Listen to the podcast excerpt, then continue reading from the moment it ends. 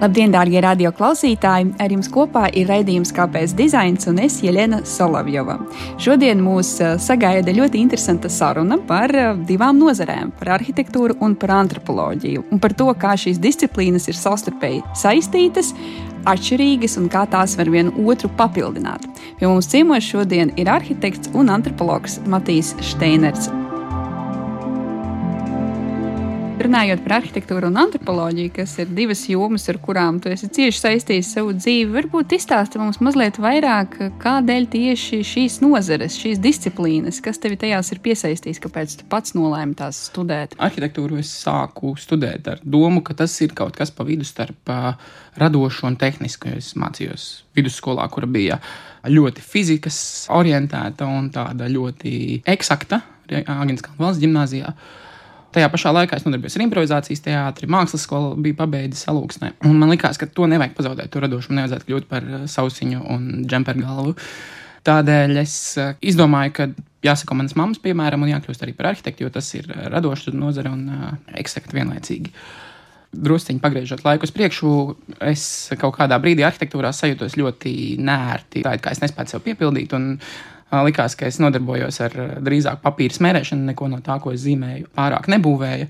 Un likās, ka es esmu neveiksmīgs arhitektūrā. Tāpēc es uh, sāku lūkoties uz citiem virzieniem, kurus varētu sevi pārveidot un papildināt. Un vienā stopēšanas braucienā caur Balkāniem man ienāca prātā, ka šito vajadzētu saprast raibumu, kas tur notiek. Mēģināt kaut kā saprast un profesionāli saprast, jo man nebija skaidrs, kā var būt vienas ādas krāsas, vienā valodā runājoši cilvēki, vienāda izskata cilvēki.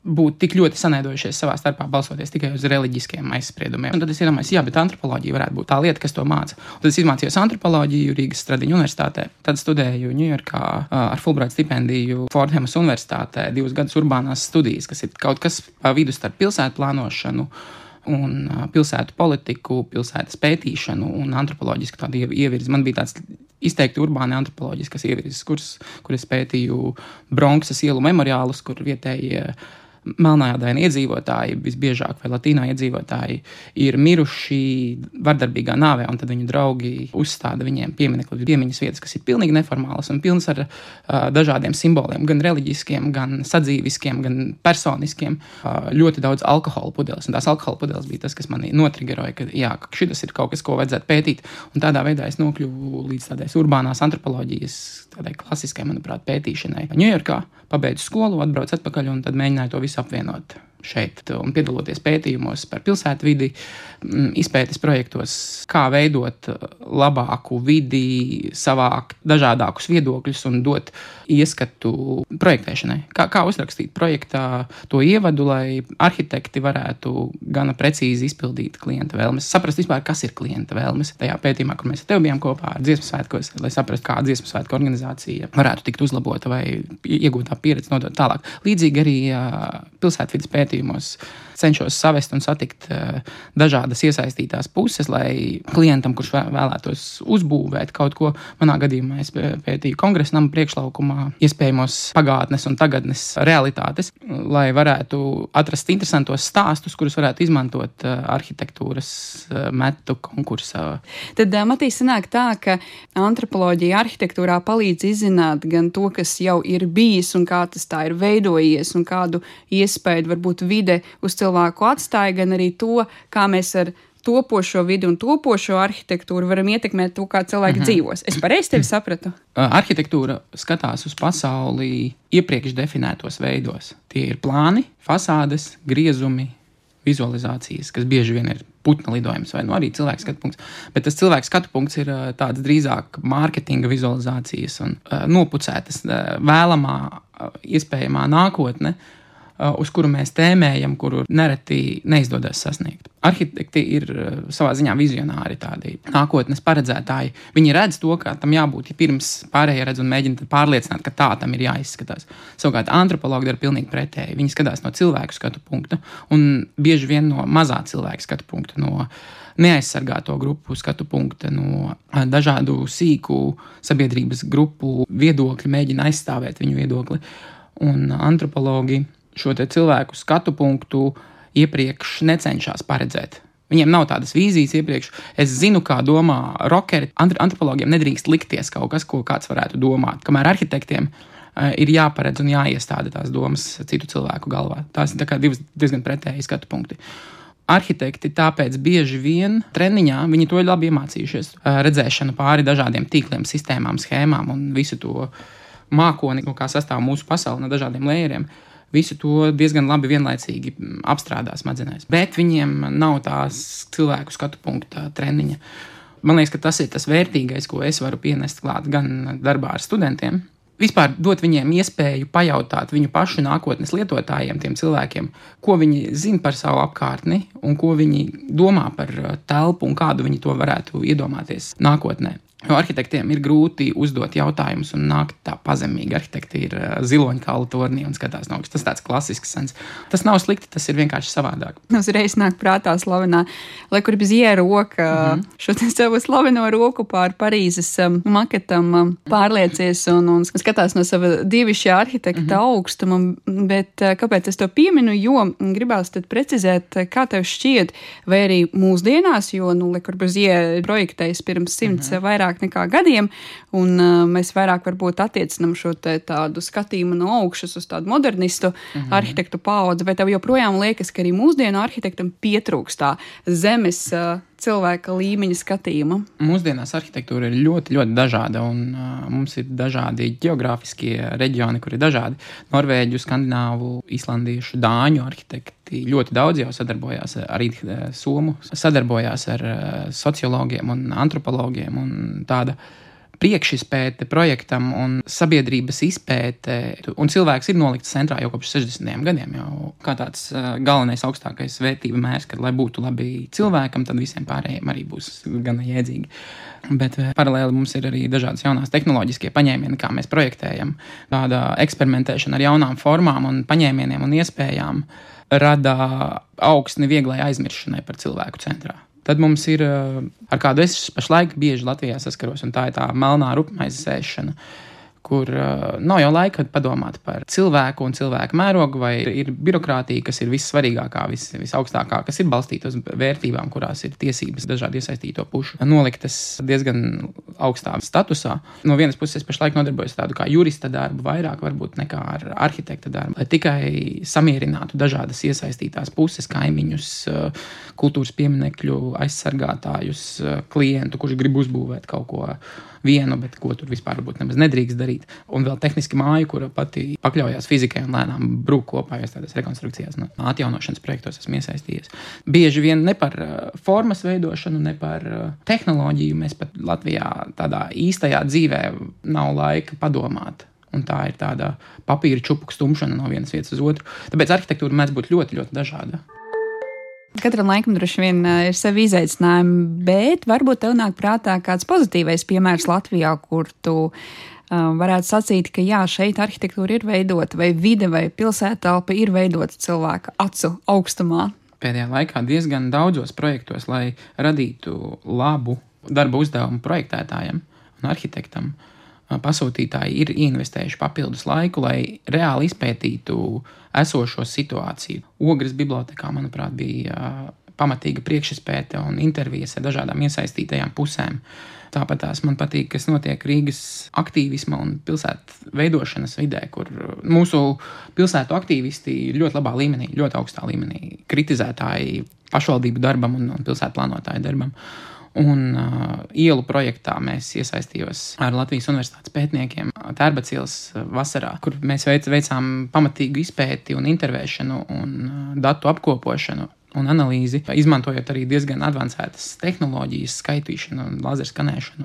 Es esmu, kā iepriekš nedaudz stāstīju, iesaistījies kongresa nama priekšlaukuma pārprojektēšanā. Es nezinu, cik tālu viņi ir tikuši ar projektu, bet man ļoti patika strādāt ar kongresa nama priekšlaukumu un viņu pētīt. Tur, piemēram, ir viens akmens tāds laukumam rakstīts Turnhallē 1868, ja nemaldos, Latvijas teātris sākums vai kaut kas tāds tas neko daudz neizsaka. Tas iemet tādu ideju, jā, interesanti, kas tas ir par akmeni. Tajā vietā ir bijis, vai netālu tam kvartālam, ir bijusi vingrošanas zāle, kurā ir norisinājis pirmais latviešu teātris priekšnesums, lai savāktu labdarības ziedojumus badu cietošiem igauniem. Tā radās vispār Latvijas teātris, tā pēc tam radās Rīgas Latviešu biedrība un visa jaunatviešu kustība. Un to mēs zinām tikai no viena tāda pelēka akmens. Tur un tas stāsts nav izstāstīts. Tas ir kaut kas ļoti vērtīgs, ko varētu izmantot kā tādu radošo laukumu pil pilsētas veidošanā. Lai dotu piemēru tam, ko es daru, es ne tikai intervēju, arī gāju uz arhīvu un uz, uz biblioteku un iepazinos ar to, to vēsturisko fonu tam visam. Jā, intervējot dažādus cilvēkus, saldējumu pārdevējs stāsts zina labākās vietas, kur no rīta var labāk pārdot saldējumu, kur turistiem var labāk pārdot saldējumu, kur bērni iet uz skolu garām. Viņai ir tie spoti, kur dažādos gada laikos un dienās viņa var tirgot saldējumu labāk. Un viņai ir tā street knowledge, viņa, viņa zina, viņa to sakartēt un šādus stāstus savākt. Mēs varam radīt jau to vidi, un viņai varbūt tās nedaudz palīdzēt, vai, vai, vai tai videi pašai būt dzīvākai, jo mums patīk vietas, kas ir piepildītas ar cilvēkiem. Pašlaik tas laukums ir tāds, ka viņā nevar iekļūt iekšā. No vienas puses ir iebraukt pa zemes stāvvietā, un otras puses arī izbraukt no zemes stāvvietas. Jā, ir elementi, ir lietas vai ir, ir notikumi, kas eh, noteiktu vietu padara par eh, cilvēkiem tīkamu. Kas, kas to veicina, kas ir tie elementi? Vai tos ir mākslīgi radīti, vai cilvēki to dara neapzināti? Mm, nu, ir dažādi elementi, ko pilsētu plānotāji ir eh, saskatījuši un saskaitījuši par, par labiem esam cilvēciskais mērogs, gaiša vieta, atklāta, pārskatāma telpa, telpa, kurā ir citi cilvēki, tranzīts vairāk caur viņu notiek, bet var nosēsties maliņā, nedaudz ielas balets, par ko runā Džena Jēkabs, kad ir dažādas aktivitātes, kas pārklājās viena ar otru, ir novērotāji, un jebkurš var kļūt par ielas realitātes šova skatītāju un dalībnieku vienlaicīgi. Drošība, ja, ja kaut kur spēlējās bērni, un viņu vecāki to atļauj, tad tā vieta visticamāk ir derīga visiem pārējiem iedzīvotājiem. Arī interesanti, ka tajā pašā kongresā bērniem pat pietika ar vienu slīpu plakni no tās stāvto stāvvietas malas un negļu zariem, pie kuriem var tur pieķerties un pašūpoties un paslidināties. Un nevis kaut kāds smalks spēļu bērnu laukums, kas eh, varbūt stāv mazāk izmantots nekā vienkārši slīpa nogāzīt, kur slidināties. Tā, man liekas, ir diezgan liela māksla sadalīt pa elementiem un saprast, kas tad ir tas, kas veido labu un dzīvīgu pilsētvidi. Stacijas, lidostas, un, kas ir lielas un necilvēcīgas telpas patiesībā, bet viņas nerada mums tādu stresu un paniku, jo viņās ir skaidri parādīts, kur un kā ir jāuzvedās, kur ir jāpārvietojas. Ir ļoti labi definēts gan, gan stāsts, kāda mums jāaiziet cauri, lai nokļūtu no ierašanās lidostā līdz izlidošanai gan pati scenogrāfija to veicina un vada tam visam cauri. Viena ļoti interesanta doma par to, kas rada kvalitatīvu pilsētvidi, ir uh, tāds jēdziens kā tiesības uz pilsētu. Uh, lietotāja tiesības pašam mainīt vidi apkārt sev, bet tas ir arī tiesības mainīties pašam, mainot vidi, kļūt par daļu no mūsu kopējās sabiedrības. Jā, laikam jau veiksmīgi tāda pilsētvide, kur mēs zinām, kā uzvesties un kas netraumē mūsu Kāpēc dizains? Mēs ar tevi, Matīs, diezgan daudz esam runājuši par to, kā mēs varam veidot vidi, kurā cilvēkam justies labi vai droši, bet kā ir ar uh, pašas vidas analīzi vai vidi, kurā mēs dzīvojam, kurā mēs miedarbojamies, pastāst arī par to, kas mēs esam. Vide noteikti pastāsta par uh, mums pašiem diezgan daudz, bet viņa varētu pastāstīt arī nepatiesu informāciju viņa varētu būt uh, melojoša. Un tāpēc antropologiem ir tas paņēmiens, lauka pētījums, kas aizņem diezgan daudz laika un kas prasa tiešu sazināšanos ar vides veidotājiem. Ar tiem, ja mēs gribētu izpētīt kaut kādu pilsētas daļu, man nepietiktu aiziet uz uh, parku un secināt, ah, te ir uh, pudeles atstātas, tātad tur tusē jaunieši. Tātad, nu, viņiem tā tad nav citas vietas, kur tusē. Nu, tā ar tādiem iepriekš pieņemtiem pieņēmumiem es varu aizšaut viegli garām. Es nezinu, kas tās pudeles atstāja un kāda vecuma cilvēki vai, vai, vai grafiti uz sienas kaut ko pasaka par neaudzinātiem bērniem, vai tas pasaka par kaut kādu personīgās brīvības izpausmi. Un tie visi ir tādi dati, ko mēs arī ar studentiem vācam, kartējam un analizējam. Viņiem liek ieskatīties misenē un saprast, ko cilvēki met ārā, lai saprastu viņu paradumus. Bet eh, ļoti, ļoti svarīga daļa ir tiešām iešana pie tiem cilvēkiem, un intervijas veikšana, un sarunāšanās, un jautājumu uzdošana, un atvērta jautājumu uzdošana, neparedzot kaut kādas iepriekšējas atbildes. Tas, manuprāt, ir tas, ar ko daudzi psiholoģijas pētījumi un socioloģijas pētījumi, manuprāt, ir tie, ko antropoloģija bieži kritizē, ka viņi cenšas paredzēt iepriekš jau iespējamās atbildes Antropologi nekad neuzdod jautājumu, cik lielā mērā jūs piekrītat apgalvojumam A. Ļoti piekrītu, nepiekrītu, nav viedokļa. Nu, šitos testa jautājumus neuzdod. Drīzāk uzdod jautājumus, pastāsti man par savu pieredzi ar to. Atstājot daudz vietas tā runātāja pašizpausmē un, un daudz laika velta lai iepazītos ar tiem cilvēkiem. Varbūt vari padalīties ar kādiem interesantiem secinājumiem no šiem pētījumiem, no sava lauku darba, antropoloģiskā pētījuma, ko mm. tad tā vide, kurā mēs dzīvojam, par mums liecina. Bija iepriekš, pirms darba cielas, trīs uh, testa versijas. Darba ciela viens sākumā, ko februārī, tad bija Blaumaņa iela un tad bija ģērtrots ielā viens posms noslēgts. Es gāju un intervēju apkārtējo uh, māju iedzīvotājus, uzņēmumu un, un kafejnīcu iestāžu darbiniekus, un vadītājus un īpašniekus, un arī pašus ielu apmeklētājus. Tad kartēju dažādas aktivitātes, kas tur notiek viņās. Miskastu etnogrāfiju taisīja pēc tā visa. Rādot Rīgas domas sēdē, ka lūk, šī ir izdevusies lieta, jo misijas ir pārpildītas. Tas nav labi, ka mēs redzam atkritumus, par ko mums jādomā, bet daudzie atkritumi liecināja par to, ka tas pasākums bija izdevies. Viņš bija vienkārši tā kā pēc festivāla. Es runāju par Blaumaņielas pasākumu. Cits pētījums jā, par to pašu kongresam priekšlaukumu, atgriežoties pie tā. Bija ļoti interesanti. Sēdēju kafejnīcā, Leņņģeradas stūra, raida pusdienas tur, un tur bija tāds uh, saguris bārmenis, un pie viņa ienāca viņa kolēģis. Tas kolēģis saka, klausies, tu izskaties švaki, bet vajadzētu šovakar pusaustoņos, ka lai kafejnīca ir vaļā, jo sešos kongresa namā ir uh, koncerts lielais un pēc tam viņi nāks ēst. Mums ir jābūt tam gataviem. Tāds novērojums, ka apkārtējo uzņēmumu ekonomiskā aktivitāte ir ļoti sasaistīta ar lielajiem ankuru objektiem, un īpaši kongresam, kas tur pulcē vairākus simtus un pat līdz pusotram tūkstotim apmeklētāju. Un kongresa nams ir telpu izīrētāji. Palielam Rīgas nami nodarbojās ar kvadrātmetru īrēšanu.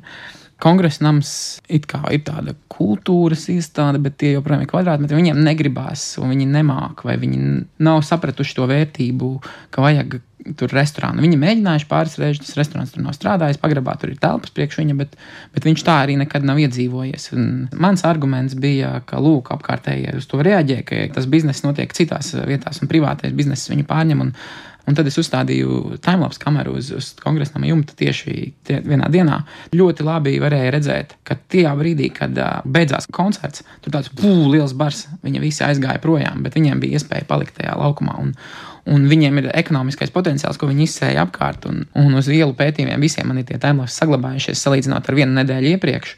Tās ir tiešām masas un traumas ar cilvēkiem. Mēs runājam par ļoti intensīvu ielas apdzīvošanu, dodot vietu cilvēkam pilsētas centrā. Mēs aizliedzam varbūt tās automobīļu vadītājiem pārvietoties pa viņu, bet tā vieta nepaliek tukša, viņa tiek apdzīvota un viņa atverās. Kas, tavuprāt, ir aktuālie, lokālie vai globālie izaicinājumi, kur tu redzētu, ka jā, tieši tur arhitekta vai antropologa rokas, galva un sirds būtu ļoti nepieciešami. Man liekas, ir tāda pilsētu būvēšanā nepārtraukti ir cīņa starp jaunām ambīcijām un veco vērtību saglabāšanu. Un tas līdzsvars ir kaut kur ļoti pa vidu. Un klasiskais stāsts par uh, Robertu Mozus, kurš grib uzbūvēt šoseju pāri Manhetenai.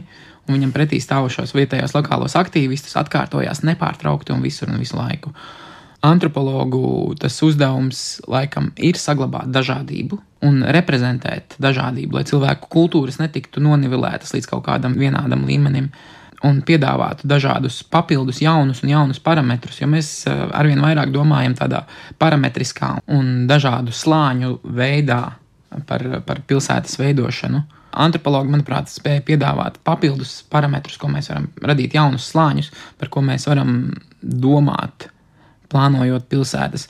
Un tie slāņi var būt gan ierobežojoši, kā vērtības, ko saglabāt, gan arī radošumu un iedvesmu dodoši kaut kādām vietām, kas sākotnēji liekas tukšas. Ir Marks Ožē, tāds uh, franču antropologs, kurš uh, raksta par nevietām, un nevietas ir tāda uh, rūpnieciski radīta telpa, kurai ir bezpersoniska, tāda garlaicīga un augsta un industriāla un lidostas, hoteļi, autobusu pieturas, benzīna tanka un tā tālāk. Bet viņš ir ļoti kritizēts par to, jo atliek iezūmoties nedaudz konkrētāk katrā konkrētajā benzīna tankā un varas attiecībās starp darbiniekiem savā starpā un klientiem, kas tur atbrauc, vietējiem iedzīvotājiem, kas tur iegriežas. Man liekas, nav interesantākas vietas, ko varētu pētīt, kā bērskroga statuēls. Tur satiekās visi alūksnieši, kas brauc no alūksnes divreiz nedēļā, piekdienās un, un pirmdienās. apmainās ar svarīgāko informāciju, kurā vietā jābūt nedēļas nogalē un kas ir noticis iepriekšējā nedēļas nogalē. Un tas ir tikai benzīntanks. Tā ir alūksnes vēstniecība 2.0 ir Statoil uh, Circle K benzīntanks Bērskrogā. Nu jā, un tas izaicinājums varētu būt katrai nozarei priekš sevis atrast pietiekami daudz produktīvus rīkus un viņus apgūt ātri un atrast gan daudz laika, lai vispār spētu nodarboties ar to. Jo klasisks antropoloģijas pētījums ilgst vienu gadu. Bet mums neviens nemaksās, lai mēs gadu sēdētu ar blociņu un pierakstītu kaut ko lielveikalā vai pilsētas laukumā. Mums tas ir jāizdara mēneša laikā, varbūt divu mēnešu laikā ir jāizdara šis eh, pētījums un jāmāk klajā. Un tas ļoti nograuj eh, pētījuma dziļumu, tas laika trūkums. Tādēļ arī man patīk strādāt ar studentiem, ka tur uzreiz ir 80 eh, acis no 40 cilvēkiem, nevis viena cilvēka eh, ierobežotais skatījums. Dabūt gana daudz laika personīgās pieredzes dokumentēšanai ir viens no lielākajiem nozares izaicinājumiem. Paldies, Matīs, liels par šo aizraujošo sarunu. Paldies, ka veltīji mums laiku. Paldies arī klausītāji, ka klausījāties, kāpēc dizains. Un Jelena Salovjova, kā arī pie mums ciemos viesojās antropologs un arhitekts Matīs Steiners. Uz tikšanos!